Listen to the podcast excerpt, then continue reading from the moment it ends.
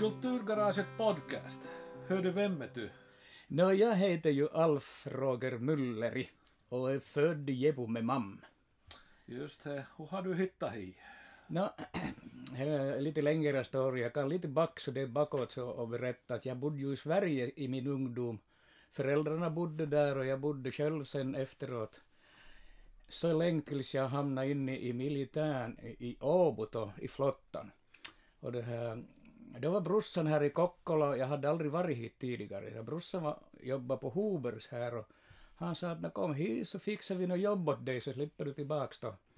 Vaket till lumpen och då hoppade jag på tåget och tog väskorna och, och, och grejerna med och direkt till Kokkola då. Nå, som sagt så har jag aldrig varit här tidigare och sen kom konduktören och ropade att Kokkola seuraava. Nå, då började jag ta, klä på mig, ta grejerna, hoppa ut. Då kom jag någonstans som inte var naten, det var middle of the nowhere. Inte na, det var, en skylt där det stod Matalamaa, lågland. Och ett, ett hus där längre bort, så jag tyckte det var tattare som sprang där. Och det här. Då var jag nog förvånad, nej vart, vart fanken har jag kommit nu? Nå, då kom en dam, trippade en flicka där på, på Trudeau och det här. Fråga av henne då att vart har jag kommit nu att jag skulle till Kokkola men jag hoppade tid, tydligen för tidigt bort.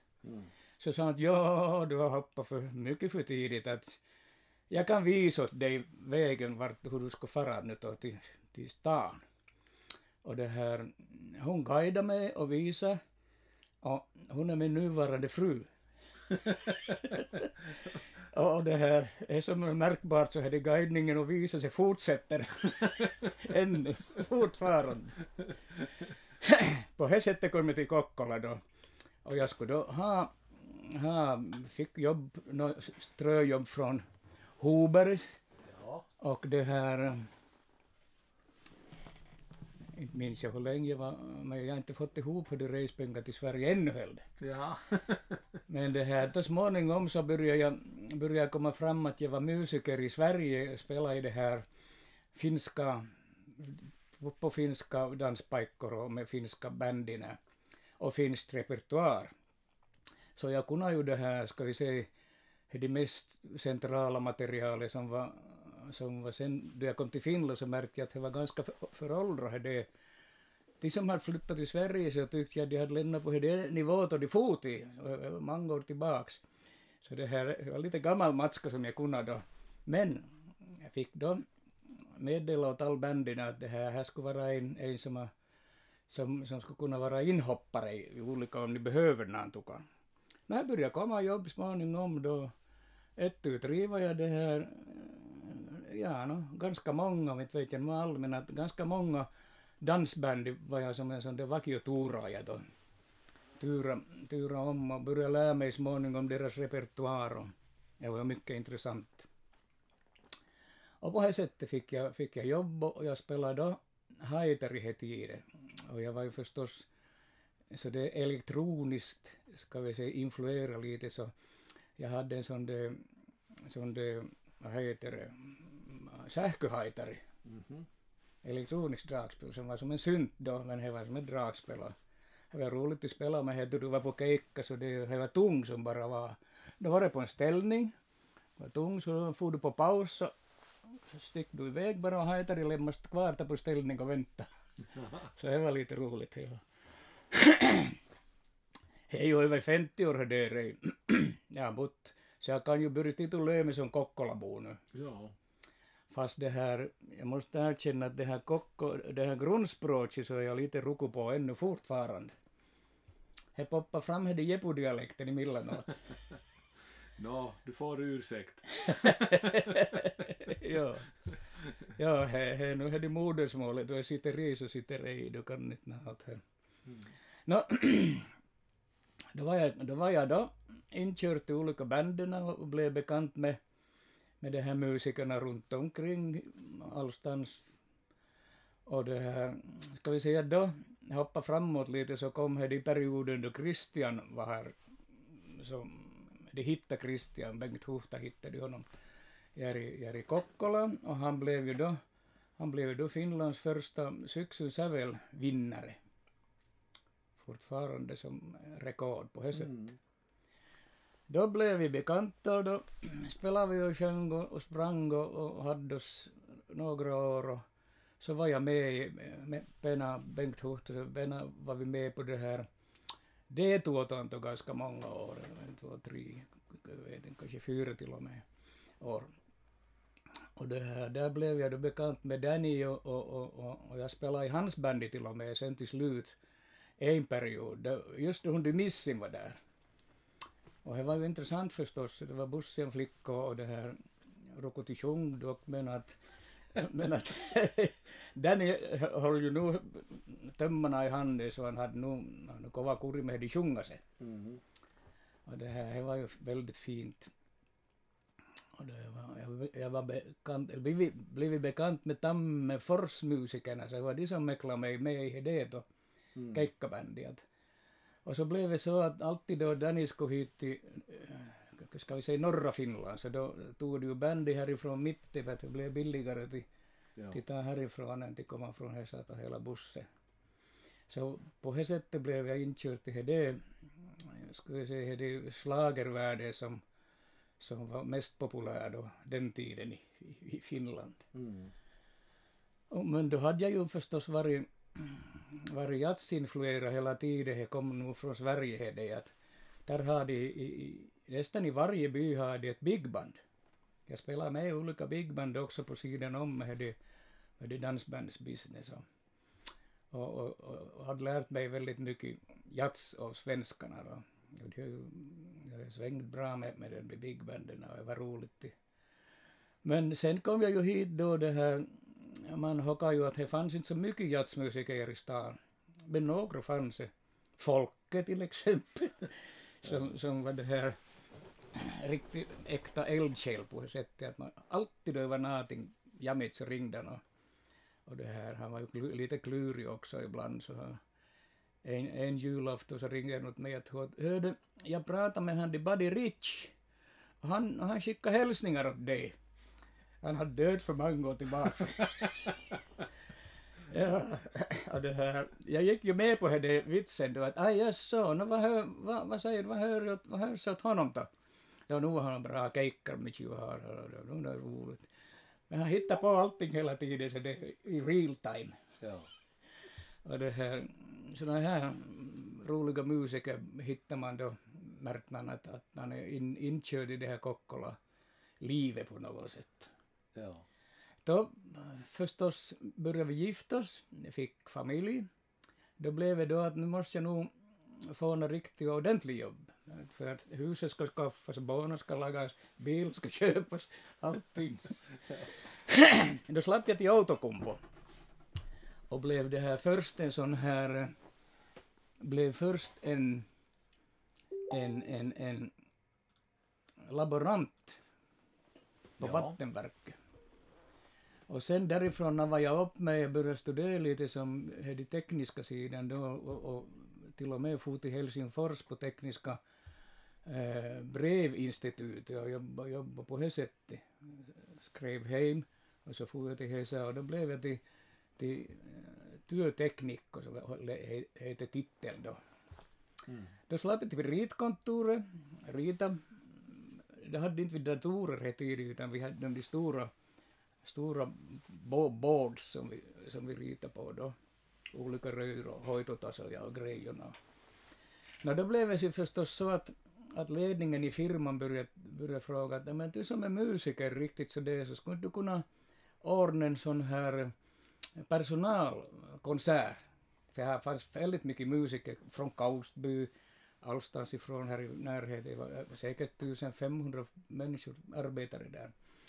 Och det hittades ju det bandet väldigt snabbt då. Nå, vi hade första keikka. På hösten började vi och det blev full succé.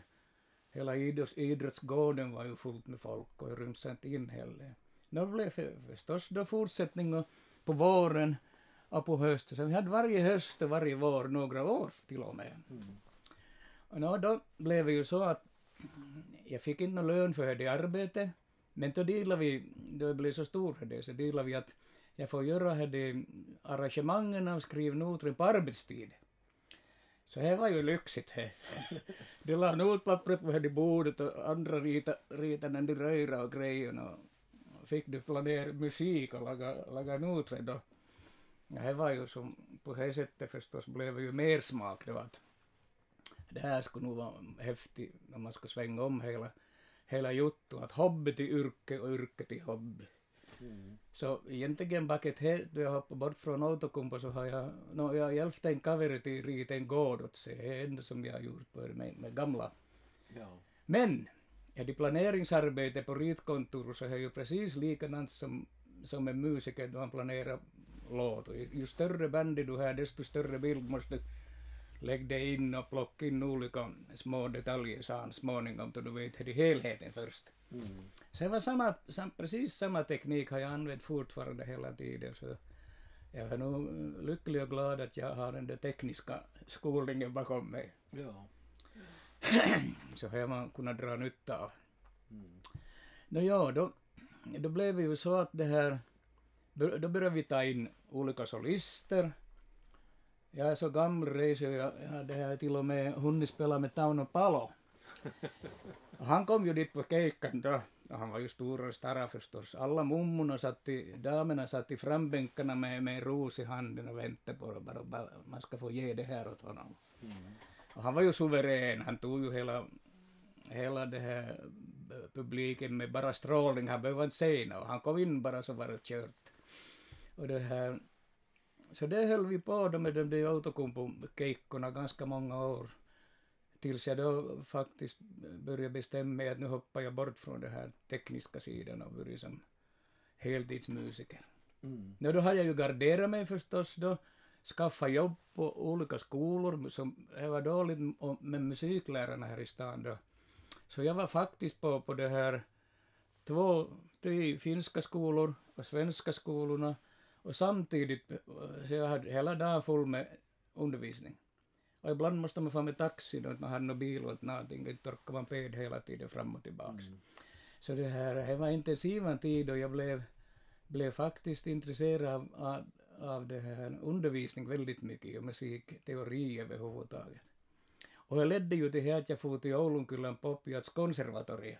Mm. Började pendel dit varannan vecka eller så det, två, tre veckor emellan. Och då hade jag en, en sån här stor arrangeringsguru som hette Kai Backlund som lärare då. Och då blev vi så goda vänner med honom att det här, inte for jag till skolan och mera utan jag for rakt hem till honom. Så satt vi där och lagade de kurserna. Mm. Och hans son är ju är Jukka Backlund, han är ju en riktig världsberömd producent som bor i Las Vegas nu för tiden. Mhm.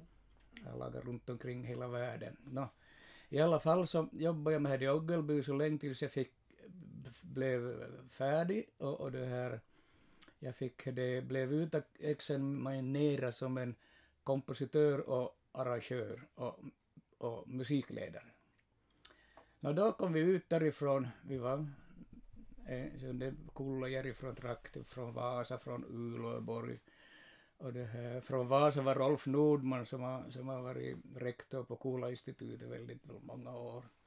Men jag blev lite besviken på honom att då han hoppade av, han tog det virka direkt då, då han fick det. Då. Mm. Och vi skulle ju färdas runt omkring och vara som såna här apostlar lite, att vi det här drog igång olika jutton och då får vi till följande. Mm. Och det här, då märkte jag att jag var enda som, som höll fast i den gamla filosofin som vi hade. Att jag startade Lappfjärd och så startade jag det här rockikoulu här och då hade jag i, i Seinäjoki-trakten väldigt stora dr- pådrag. Och runt omkring hela, hela va, gamla Vasa län. Både på finska och svenskt håll. Så det här, jag märkte nu efteråt så märker jag att man lärde sig själv mest under den perioden. Att man måste handskas med olika människor och, och det här dra sommarläger i Järötär och överallt. Mm. Överallt liksom. Så det, och det, var, det var som mycket behov på, såna där, på sånt. Så det, det, var, det var jobbiga tid. Man fick mycket jobb då.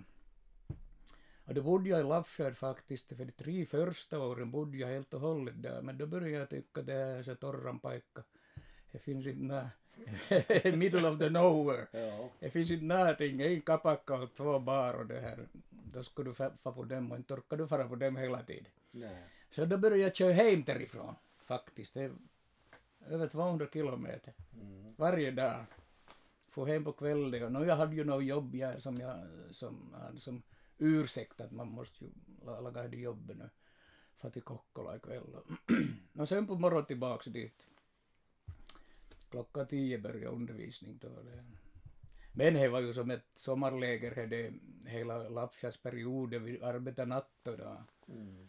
Och i synnerhet på Nätrön då, då det här eh, killarna, pojkarna hade riktig feeling och det här inspiration så då måste man ju laga Ja. och hålla på.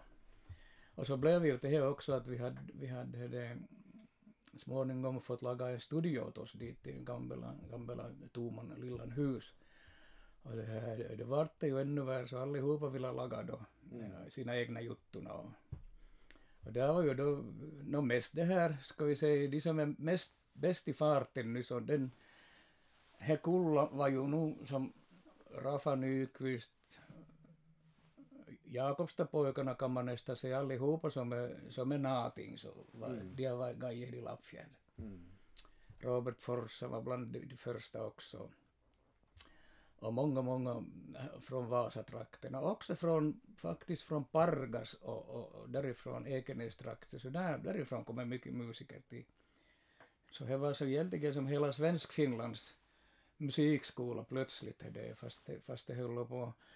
Det var ju därför som de, som de ville att jag skulle komma dit, för att det höll på att vinka som alla de här folkhögskolorna hade problem med att få folk till. Mm. Men det här började ju dra så otroligt bra så här kom ju, människorna såg ju möjligheten att det får man vara billigt och där får man, föräldrarna såg att "Nå, nu, nu får du lite bli självständig och vara till det lite så det, Mm. så det var ju på alla sätt riktigt bra. Och det här, det var faktiskt tre år bodde jag helt och hållet där men sen började jag pendla fram och tillbaka så småningom då det rullade bra så så, så lämnade jag bort från det och det här det hade kommit nya människor som var duktiga. Men det som var viktigt för Lappfjärds folkhögskola så det var det att jag hade fått via det här Oulunkylä konservatoriet kontakterna hade jag fått tillstånd att, att ha deras kurser där. Mm. Och då om du sökte dig till Oulunkylä så fick du, skådade de redan, vad har du gjort? Har du gjort våra kurser? Ja. Så det var en bra morot här Okej. åt många. Och det här, likadant med det här Kokkola rockikoulu som nu har varit över 30 år igång Mm. också. så, ungdomsarbetarna sa att skulle du kunna dra nå lite åt det här bandypojkarna, de är så ivriga men de har nå, och vi skulle ha paikka åt dem, men, men de har inte nå, de vet inte hur de ska komma igång riktigt. Det var en, en period då vi började då det här han kunde ju inte spela efter noter eller någonting och dåligt med teorikunskaper. En gitarr och lite beatkomp med trummorna kunde man och, och så det. Så det kom starta från noll riktigt ordentligt. Mm. Och det var ju på ett sätt bra här för att jag hade ju lärt mig joulunkylä just det att man ska, hur man ska bygga upp hela jutun, undervisningsplan och allt det där. No, då ledde ju he, med åren då for det framåt det blev mer och mer, mer smak. Och ett tu tre så var vi, var vi en egen eh, avdelning i Kokkolas budgeten.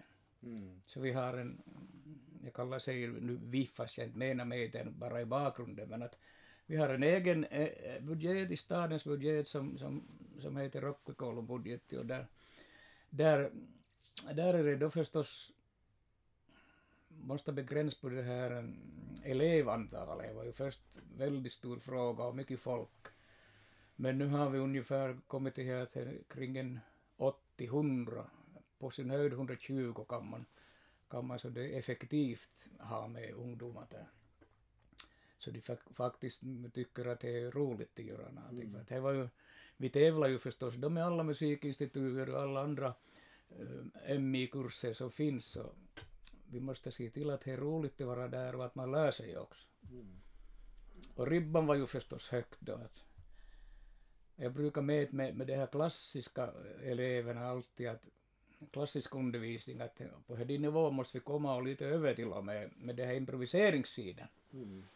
Så att han, jämfört med de här klassikerna så fast de var hur bra musiker som helst så nej, nej, måste jag improvisera? Nej, no, inte, inte, inte, inte kan jag det inte. Mm. Men då var det våra pojkar var tvärtom att no, får jag något solo i den här låten? Mm. Mm. Och det här, här, här var som här de stora skillnaden mellan klassisk undervisning och rock, pop, jazz, som jag tyckte den tiden. Och det här, nu är det ju helt annat för att nu, gränserna har ju vinkat för länge sedan så det går kors och tvärs. Alla klassiker börjar vara intresserade av jazzmusik och improvisering och överhuvudtaget sådär. Så det var en sån hektiska period då vi startade den här rockskolan i stan och, och det här därifrån har ju kommit väldigt mycket fina musiker till Finland. Somliga har flyttat bort, men sen har de somliga kommit tillbaks för att de tyckte att Kokkola är bästa paikka då. Mm. Som det här en, en, en trummis sa, det här, han for till Hesa och, och det här Tony Portén, han for dit och så, sen kom han tillbaks och han sa att no, jag fick allt vad jag ville ha från Hesa, jag vill, jag vill inte vara dina mig, att det är tristan paikka. Mm. Men han fick vara med på allting och kom, kom väldigt högt på, på, på rank, rankingslistan. Och det här faktiskt en efterfrågan trummis fortfarande. Men han bor i Kokkola. Och det här pendlar då på Keikkorna runt omkring men undervisar här på konservatoriet.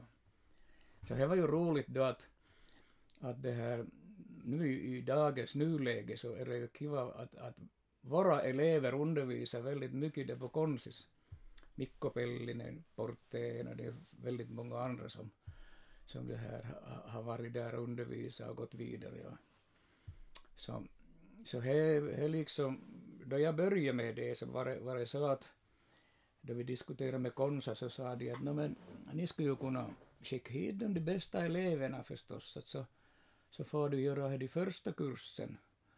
Men då i och med de här Oulunkyla-kontakterna mina så hade ju pojkarna gjort den de kurserna rej, ettan och tvåan och trean. Mm. så sa de att vad ska vi tillföra, vi har ju det papperna rej i fickan som, som är faktiskt giltiga, de är behöriga. Så det här, då blev det så att det blev lite tävling mellan oss, att, vi, vem, att om vi skulle få spela tillsammans med de här klassikerna skulle vi nog visa dem. Mm. Och då blev det att vi hade, vi hade den här konserten en gång vi hade riktigt laddat och tränat som gölar då att vi skulle komma och det här visa den det. Och nu gick det faktiskt på det sättet att vi var nog mycket djärvare och vi, vi vågade nog, vågade nog dra till. Vi var på Stadsteatern då.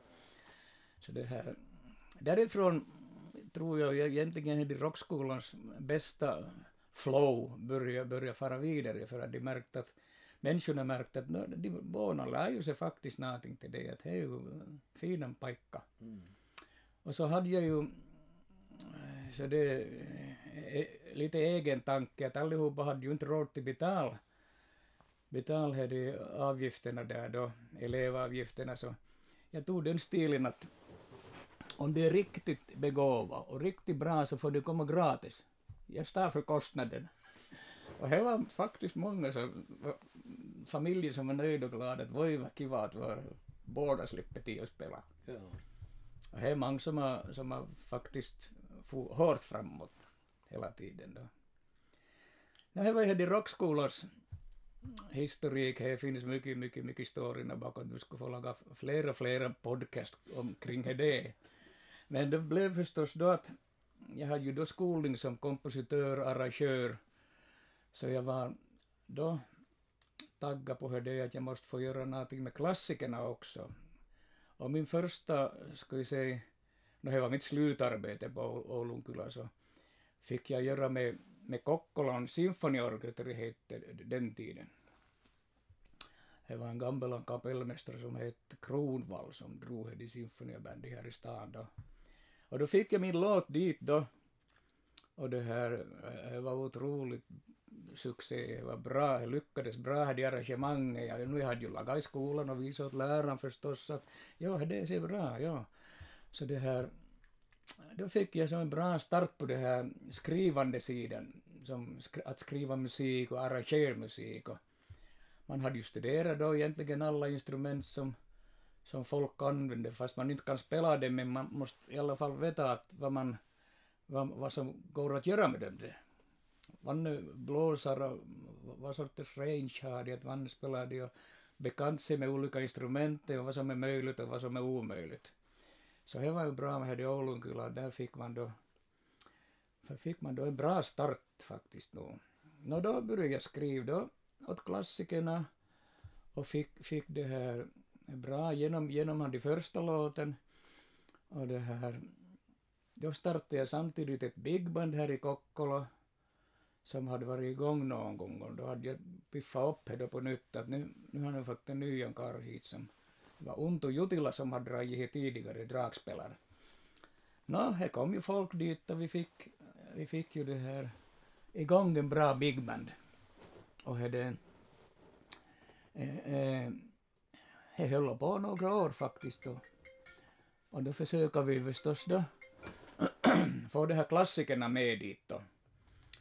Eh, no, det var ju lite förstås att de vågade ju inte komma och de ville inte, de var inte mycket så, många var inte så intresserade heller, men det fanns några, till exempel en, en klarinettist, Kenne Kövall, som tyckte att nå, äntligen, nu får vi bigbandet hit till Konsa. Nå, no, det torkade bort ganska fort då för att det blev, det blev så där att no, vi ska få skåda vad de håller på med, som, som det brukar vara på sådana här eh, klassiska institutet, Att vi ska skåda den här popmusik, är det nu någonting eller vad ska det vara? Så det här småningom då tas man det bort. Men då var jag samtidigt hade jag börjat som teorilärare åt svenskspråkiga på konservatoriet. Så jag hade kronboar och, och från Nödövet till Vannifrån. Nu kom då alla svenskspråkiga elever. Då drog jag teori några år där och minns jag. Och det här blev bekant med det här klassiska gänget i stan och det här var ju väldigt mycket fina saker. Men också med de här lärarna, proffslärarna där. Så det här, det var en period som, som då kom med i och med det att jag hade fått det stora, stora låt för det här symfonibandet så, så kom jag in i en ny kuppla på det sättet. Mm. Och därifrån har jag farit vidare då. Jag skriver åt all sorters. Nu har jag, nu har jag hållit på med, no, man kan säga från rock'n'roll till kyrkomusik. Det där före jul så hade jag en, en väldigt finan, finan julkonsert med, med min före detta sångelev också, Eva Fredriksson, som, som drar den här, den här ljud, vad är det för kyrka som hon drar nu då, men hon är dragare där. Hon, hon bad mig att kom hit och, och komp så, så vi får, får no, jag får ju dit då. No, det var väldigt fint, bra musik, duktiga sångare. Otroligt fint och det här. Nå, då jag hade varit på några övningar så kom de ju allihopa i rader och det här kram och jag skådade först att de hade inte några maskerna på. Jag var enda som hade. Nå, då rev jag bort det också. Sen blev det krama sig hit och dit och det här. Jag började tänka att nå, ska det nu få någon corona alls det här gänget? Jag sa att nej, inte kommer det corona hit. Det här är coronafri zon. Så det här, det var roligt att märka att det var ganska fritt där så det. Konserten gick bra, de hade en var det nu från Amerika som de hade, eller Afrika, en basist som, var, som jobbade där, jobbade där som, som så det halvproffsigt med. Det var roligt att spela med, han var lite jazzinfluerad. Och det här, såna här juttor hade jag till det kring jul och nu håller jag på med rock'n'roll i bandina som, som ska laga, jag har big band och rock'n'roll bandet till det i Oravais och Vasatrakterna, eller Oravais är huvudpaikka. Och då kommer folk då från Jakobstad och Vasa och runt omkring till och med från Jeppobrukarna blåsare komma dit. Mm. Och det här, nu då det här corona är på gång så har vi inte kunnat öva på hela tiden men, men då hittade jag på att vi ska lägga på, vi ska lägga på nätet att de ska sitta hemma och spela i telefon och sjunga i telefonen så skickade de helt med och så kasade jag ihop hela alltihop ja. till en helhet. Så det är ju som mycket nytt digitalkunnande åt mig också. Ja. Få studera och lära sig nya saker. Mm. Så nu är vi så det halvvägs, de har börjat skicka nu. Det är ju klart att, att en orkestermusiker som har suttit, suttit hela sitt liv i, bredvid kaverna så han är ju väldigt rädd att spela ensam. Oj herregud, måste jag spela Aceman? Då låter så det förskräckligt. Jag kolkar över, över det här kritiska med sig själv också. Mm. Men he, faktiskt småningom så de har jag jobbat sig fram så nu har jag börjat få olika filer kommer nästan dagligen. Mm. Så nu på slutet av våren här så ska jag ta och prov, kassa ihop det och så lägger vi på Youtube då. Okej. Så det var som en bra fortsättning på det här corona, nästan bättre, för att de hann röra faktiskt mycket. Mm. Jag hade ganska, eh, nå, lite krävande låt som jag hade skickat åt dem. Att jag hade själv spelat in först hela bottnet och allting, så skickade jag det bottnet åt dem. Så där var deras parter med också, så de fick sitta och lysa på det. Ja, ja, så det ska fara. Så det här, mycket intressant projekt och lärorikt åt alla parter, mig själv också. Mm. Och nu väntar vi bara på slutresultatet hur vi ska få ihop det för att allihopa spelar ju lite som de spelar. Ibland är det lite out of, out of the tune ibland är det out of the time. Mm. Men att de har haft det i botten som de har jobbat med så jag försöker det baka ihop det till en helhet. Ja. Du har, ju, du har ju gjort ett enormt arbete kan man säga med till, till skola upp flera generationer med, med musiker och spelare i det här nejderna liksom. Och det är mycket som har farit vidare och blivit, blivit man ser det på TV och, och, och så det vidare. Hur känns det idag? Det är ju ett livsverk som du har gjort. Hur känns det? jo, det var en bra fråga för att jag har faktiskt nu, man har blivit som the old-timer som myself, så det här, är intressant att se vart de, vart de far och hur de har kommit. Och så är man my- mycket glad att de har lyckats till de starter som de har fått, som de har fått kanske eventuellt just i det. Många som har kommit att säga också, det- av de här höj, höjdarkillarna, att vi skulle inte ha blivit några musiker, men du skulle ha lagat sparka på Mm. laga, laga oss igång. Så he, det- förstås är det i skedet om man kommer till rockskolan så har man, har man då vad ska jag bli till, vart ska jag fara, vart ska jag få studera så det.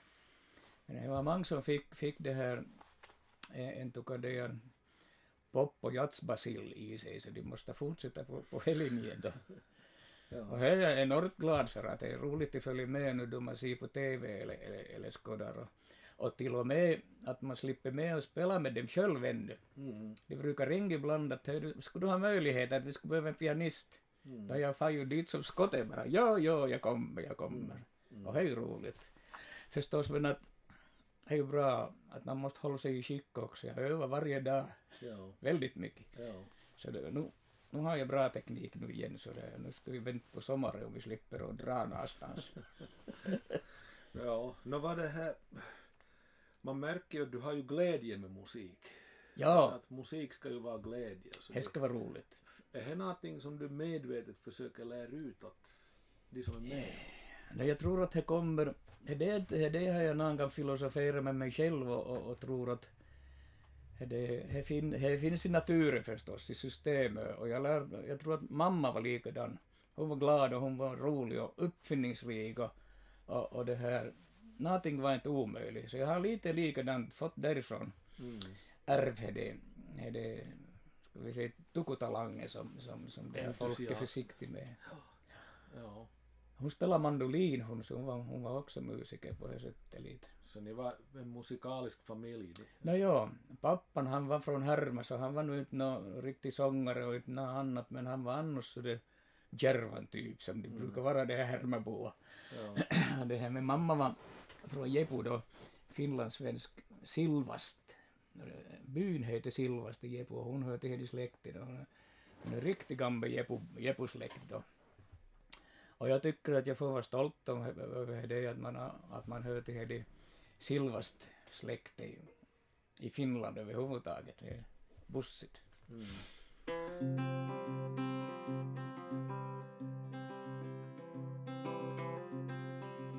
Och så har du varit med och dragit otaliga med stora proje- projekt, liksom det här, allt vad det är, Euromance och, och Ja, det här, eh, och för att inte tala om all de här musikalen och de här juttorna, ja. West Side Story och det. Varifrån har du hittat det här energi? Nej, jag vet inte varifrån det kommer, men jag vet, jag vet jag att det här till exempel ännu i denna dag så har jag nya planer på olika juttorna som jag tycker jag skulle vilja göra. Och i huvudet sjunger det hela tiden liksom någonting när melodier trycker på det här. Ibland så, jag har lärt mig att man måste stiga upp och skriva ner det och med riktigt bra juttor så stiger du upp på natten och lägger, lägger ner det. Och ibland så far det så långt att det här, jag var led på den melodin som jag hört att jag får sovna riktigt bra. Mm. Så tänker jag att nu ska jag byta låt i sömnen. Mm. Så byter jag till någonting. Men två, tre sekunder så är det tillbaka det som du höll på med. Så är det alldeles, jag har blivit bekant med hjärnan på något, på något sätt så det att jag arbetar och, och så har jag blivit trogen åt det undermedvetande också. Om jag säger att nu skulle, nu skulle jag ha en bra juttu, då måste du tro på det och stiga upp och laga, laga ordentligt och vanligtvis är det bra. Mm. Så är det bästa som du har, som du har hållit på kanske i flera veckor varje dag.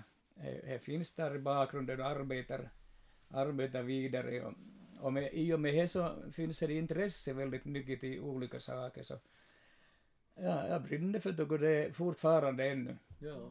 Så inte det, det skapade kraften tar tydligen inte slut om man bara håller, håller sig igång. Ja. Ja, så här.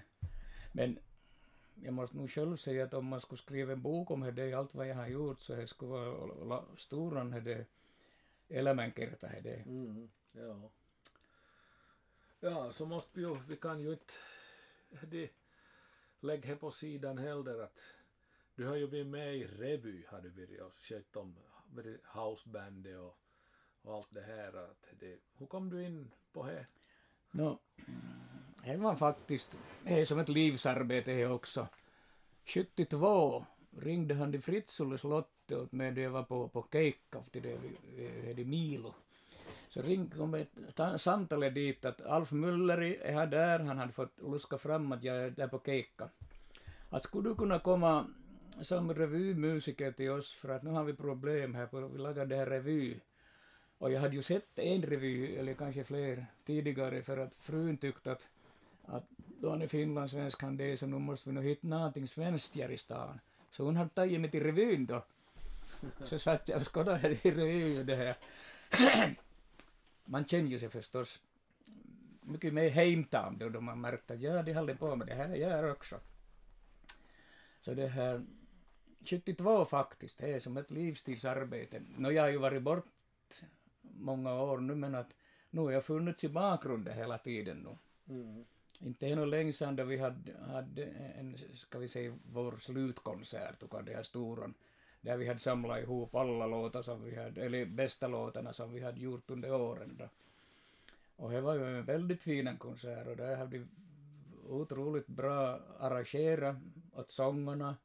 Det var de mest garvade revystjärnorna som var där då som, som framfört hela juttorna. Ja, och med, med Fritzulle slottet så har, har jag faktiskt gjort det mesta. Så vi kan säga att vi är nog en sån där parivaljakka som inte finns något mycket Mm. på många orter. Ja. Nu bor han i Åbo så vi har lite, lite kontakterna lite som äh, kallna, kallnan och lite grann men att vi håller nog kontakt fortfarande. Men revyverksamheten har ju då sen då vi lämnade revyn så då blev det så att, att det här de måste, de måste ju, Ljungsborg måste ju då hitta på att hur ska vi fortsätta. Då fick de nya ungdomar dit och då ungdomarna startade från sin egen nivå. Så då blev det ju att det här att det gamla revygänget eh, i publiken eh, eh, blandades och, och, och det här ändrades om också för att ibland kom de gamla publiken och sa att nu vad ska vi komma hit och skåda på banan, nu ska det vara riktig revy. Mm. Och sen från andra sidan barnens föräldrar och så det släktingar så nu är det bra att barnen får börja nu att vad skulle det vara de gamla vitsar som fan under bältet ganska mycket inte vill vi ha att gå åt barnen på. Mm. Det var båda sidorna. Ja, ja. Det var väldigt, väldigt intressant att komma ihåg det efteråt. Så det. Men det var ju hektiska tider. Vi jobbade som en proffsteater och i, i och med att Mats Holmqvist hade blivit eh, färdig på teaterskolan så han hade ju sina nya idéer och nya tag som säger måste fara by the book hela vägen. Mm. Så vi fick ju lära oss väldigt mycket scenkonsteri och, och, och, och saker och juttor som ska vara på scen. Så vi blev nästan som, som det här teatermusiker. Ja, ja, Ja. precis. En som var väldigt intressant jotto som, som jag gjorde med Fritzola slottet så är det här folkopera Mm. med, med eh, Lars Huldéns texter. Han hade, eller vi hade vi blev intresserade av det, att tänk om vi skulle laga till öjan, han, där på havstranden, café, kaféstranden där, att laga en sån där musikal eller någon sorts kavalkad. Nå, Lars Huldén han blev ju intresserad av det också. Han var också en tog som tände väldigt hastigt. Åh, oh, det var det låter bra. Så gav han hela en kappsäck med, med sina diktböcker, små böcker. Där får ni välja därifrån vad ni vill.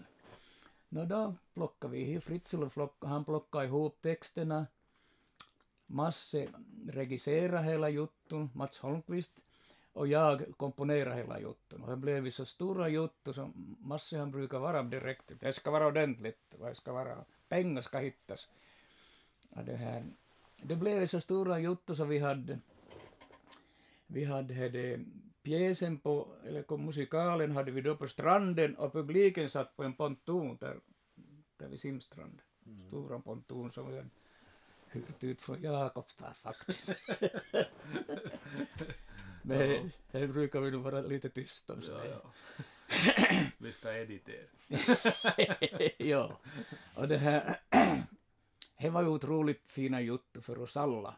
Jag, jag slapp att komponera och laga låtar och, och det här fick, fick, fick in en stor orkester, det var stråkare, blåsare, säkert en 15 manna orkester.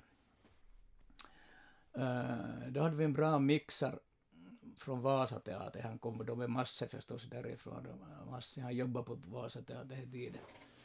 Så jag får faktiskt för fulla en, två, tre somrar. Hade vi fullt hus. Mm. Hela nejden kom och skådade överallt ifrån. Så, så det här, och flera gånger, det var många som hade varit flera gånger där och sitt på det. Så var så intresserade av det.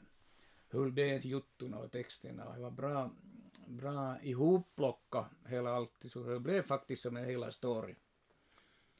Och det här började med att diktare föds ur vattnet. Så det var då diktaren kom då och han var under bryggan där gömd och sen dök han upp där så publiken ska Vad? Varifrån kom han det? Så det var då Lars Hydén som föddes då. Mm. Och det här, vi hade fina skådespelare, vi hade proffsar, proffsar och amatörer, barn, vad som helst, all sorters människor hade vi på scen. Mm. Det var, det var faktiskt en, en juttu som var väldigt roligt då. Det, det är ju ganska så det hurtigt det här Lasses juttorna ibland. Då hade han lagat en dikt om det här, då man slaktar en ko. Mm. att vad som finns där, he kommer det, he kommer njura, he kommer tarme, he kommer langan ramsu, vad som kom tant. Och, och det här, då var det en flicka som hade, de hade sagt i skolan åt henne att eller åt äh, skolgänget, att skulle ni kunna sjunga någonting nu som ni kan, att du kan göra en egen visu. No, då hade hon visat, ja, jag kan en visu. Då började hon sjunga om de här tarmarna och, och blodet som rinner och hela storyn där. Var Kenneth Ågrens flickor. Ja. Ja, så det var faktiskt roligt. mycket bra, mycket bra och högtravande konst också. Lasses texterna, de är ju såna här så du hittar inte den på en gång, du måste läsa den flera gånger så märker du hur det, innehållet i livet på den. ja. Så det, före det så hade jag ju gjort med Lars Huldén väldigt många skivprojekt, tv-program och, och böcker faktiskt. Jag började med att jag lagade en, han var Bellmansällskapets ordförande den tiden, så tyckte han att skulle du kunna skriva lite bättre det här samma material som finns men att laga lite så det blir roligare till sjung dem. Mm. Och det, det småpruntade de gamla böckerna så var, var inte så, så det här ingivande eller lockande. Nå då fick jag det projektet, det blev bra. Då sa han att nu ska vi komponera och lagat tillsammans en, en par dikthäft. Mm. Och det här första som jag blev för, faktiskt förvånad, hur, hur, hur ska man, hur kan man göra det här? Så det var, det var, vad heter nu då, det var en psalmbok för, för icke-kristna, eller något det. Ja. Så han hade sin egen syn på det här, det här själva kristendomen. Och, och då blev det tre, fyra andra dikt, dikthäften helt enkelt. Mm. Som vi också då tryckte ut, bandade in på en skiva och så hade vi olika folk och sjöng dem och ibland kunde han sjunga själv någon, någon liten bit. Och han var intresserad av komponera, komponerande överhuvudtaget så han brukade skicka åt mig en lilla snutt eller sjunga i telefon. Så, så, så frågade han att var det inte ganska bra ihopstulet det där? Det var roligt arbete med honom. Ja. Nå det här... Du måste ju ha haft några förebilder, du. Nå, jo, nu har jag ju förstås förebilder, men de kommer från, de kommer nog säkert de starkaste kommer nog från den här jazzsidan, de stora kompositörer som, arrangörer som började med Duke Ellington, Quincy Jones, de var ju som Mm. universala på det sättet att det var inte bara jazz som de behärskade, utan de behärskade allt vad man behöver. Mm. Kyrkomusik, den tidens dansmusik, no, det var ju swing också. Så det här, de har jag nog fortfarande, och, och Bernstein. Mm. Jag brukar läsa hans böcker, jag började färdas till Amerika då jag hade orsak till att fara dit mycket då dottern bodde där. Mm. Köpte jag därifrån då sådana gamla Bernsteins Eh, egentligen så tog det själv, självbiografier eller något, tog det, så han satt och funderade med sig själv. Och han satt och funderade med, med det här eh, amerikanska gamla presidenter som hade dött. Han satt och i, i eh, flygplanet kunde han sitta och diskutera med dem. Hördu, vad tycker du nu då, då det här, det får så det och det här får så det. Och så fick han svar därifrån och skrev ner dem det och allt. Och då, då fick han som material till sina kompositioner och till, till sitt musikarbete där, via det. Och jag började använda samma metoder så jag, jag pratade med Sibelius. Jaha. Vi har nämligen födelsedag samma dag, Jaha. 8 12. Okej.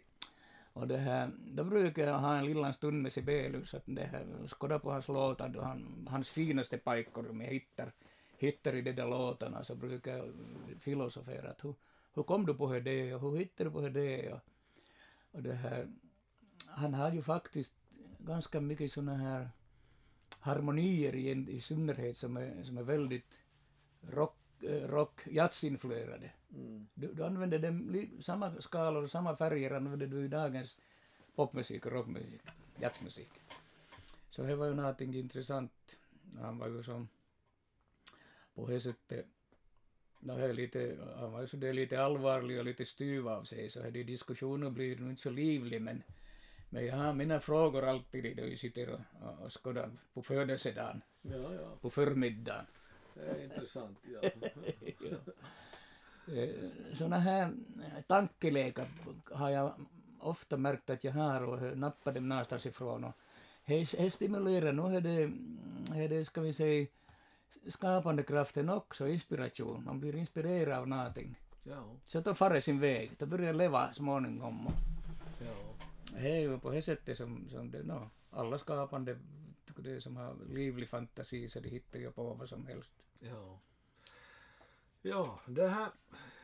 Tänk nu ännu, om vi skulle backa tillbaks lite i tiden och skulle vi prata ännu lite om Lyttypää Jazzband. Ja. Lyttypää Jazzband var ju, var, ju, var ju det här... No, det kom ju via det här... Föddes, föddes eh, via jam, jam-tillställningarna. Mm. Vi hade jammina på de här olika krogarna här i stan. Där var ju eldsjälen då Folke Neustedt som, som hade som någon vits, vits tidigare att jag skulle någon jotain lyttypäitä. Det kom därifrån. Det. Det är lite som ett källord. Ja, ja. Men då, då blev det förstås då självfallet klart att det ska det bandet ska heta Lyttypää Dixieband. Mm. Lyttypää Jazzband. Ja. Och vi lagade ett Dixieband som var riktigt organiserat och arrangerat och, Och det här, alla var såna här eldsjälar som var med där då. Och det här, det började ju fara hårdare och hårdare, då var vi, då hade vi då farit på turné till och med överallt. Alltid, det, alltid någon som ville ha oss, så for vi till. Och så var vi och representerade Kokkola stad i Danmark minns jag. Och det här, det var en rolig story som, som det här hände också, eller det var flera storyna, men, men en juttu som vi hade basisten då, gitarristen, som eh, vi, vi, vi passerade med i den här paraden som de hade då på gatan. Och det här eh, drottningen stod på balkongen och viftade åt oss och vi var väldigt intresserade. Oj, nu slapp vi, tog, tog det en keikka då. Då började en av våra pojkar svim mitt i alltihop. Alltid li- liksom taju pois. Och det förstås allihopa trodde ju att vi har, vi har smakat och härjat och, och, och supit så mycket där så vi är så riktigt som slut. Men det var inte alls fråga om det. Utan hu- överhuvudtaget så började jag få en tukarian oförklarliga juttu i hjärnan så han han kuppade av då och då. Mitt i keikka till och med alltid. Okej. Ja, då, var ju lite nollot då, vi gick där på, på paraderna där så började det här, började det här första hjälpkillarna gå med sina bossar bredvid oss. De var så förberedda att om det är vinkar igen så ska vi ta hand om honom. Och ännu då vi kom till Kokkola så hade de fortfarande kvar det, det konstiga, oförklarliga huvud. Han kände inte om någonting, inte hade han huvudvärk och inte någonting men det for bara mitt i allt. Ja. Men sen, jag tror att det var ett par tre år så bakat det så for det bort. Och någon visste inte riktigt vad det var. Men det var någonting som, som orsakat, att kanske han spänd för mycket eller var nalis. Men att det, satt i ganska länge det och det var ju lite nollat för oss i Danmark. Då alkoholen var riktigt fri där och vi, vi var finländskarna, finnarna igen. det var det. Var det. Ja. Det, men det var väldigt roligt att vara där och sen var det på, på samma resa då också Folke Neustedt som, som var känd för att han tyckte om, om alkohol och tyckte om att dricka, drick. Men vi var faktiskt, hade beslutit från första början att någonting ska inte, någon ska inte dricka någonting och någon får inte vara. Så det här på första nattningsstället, eller var det då vi skulle få hem? ja, det här, så bodde vi då i en, en sån här, någon sorts barack. Då får folk ut på natten och det här skulle ha frisk luft. Då steg han igenom en sån där låda och då får benet av.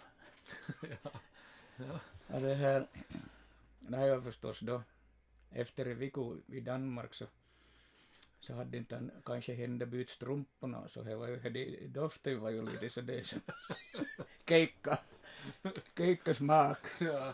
Och, och han släppte, då hade inte kanske hända dusch så riktigt mycket så han släppte inte in någon dit. Jag fick fara ja, att jag måste komma. Så jag har, brukar ju vara så det är färdig, fingerfärdig med allt möjligt.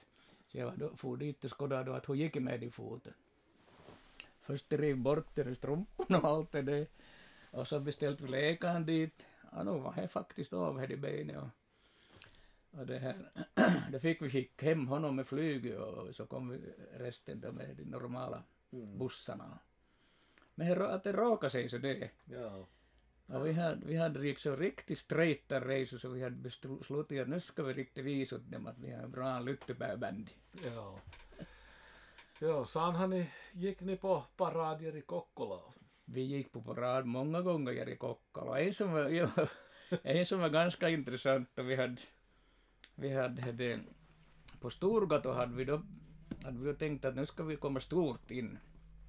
Beställde häste som, som var, råkade vara en sån där varmblod som var ganska, så det, ganska ner, nervös av sig ibland. Och så gick vi på Storgatan och det regnade, äh, regnade minns jag, kol, inte så kolkot men att i alla fall, jag spelade pikkuhajtari, jag hade en lillan hajtari och då får jag in i butiken då, vi får in i butiken och då får till följande och kom in i butiken och drog så då får jag av de hajtari. jag lämnade jag lämnade i handen i bakändan bara. jag hade vissa vapen Ja, ja. bälgarna. Nå, inte var det nå. Då startade vi, for, for vi vidare då. Och, och folket skulle dra hade solo på karavan. Han började dra solo. Och då var hästen rädd. Han började hoppa och springa åt alla olika håll. Hela alltihopa for till trummorna trillade på gatan och, allihopa vinkade och hästen for. Det var invigning av gågatan. Ja, det var, det var, det var just det. 1974. Ja, det är faktiskt så. Ja, jag minns att det var en, jag inte minns jag innan. Och det här, ja, det har varit mycket roligt. Väldigt mycket. Då vi var på TVn också sen, sen det här så, vad var det som vi spelade? Så sa han det, sa han det som, som var som, som här från TV-sidor då som, som, som sköt om oss. Han var musiker, Jukka Linkola. Så han sa att det här att eihän toi, me, meneekö toi tossa noin? Vi hade spelat en låt som vi hade tolkat på eget sätt. Mm. Och han tyckte att inte ska jag fara så det. Joo, kyllä se menee kuule, sa folk. Där var det. Var klart. Ja. Ja, lyttypääperioden var enbart roligt. Ja.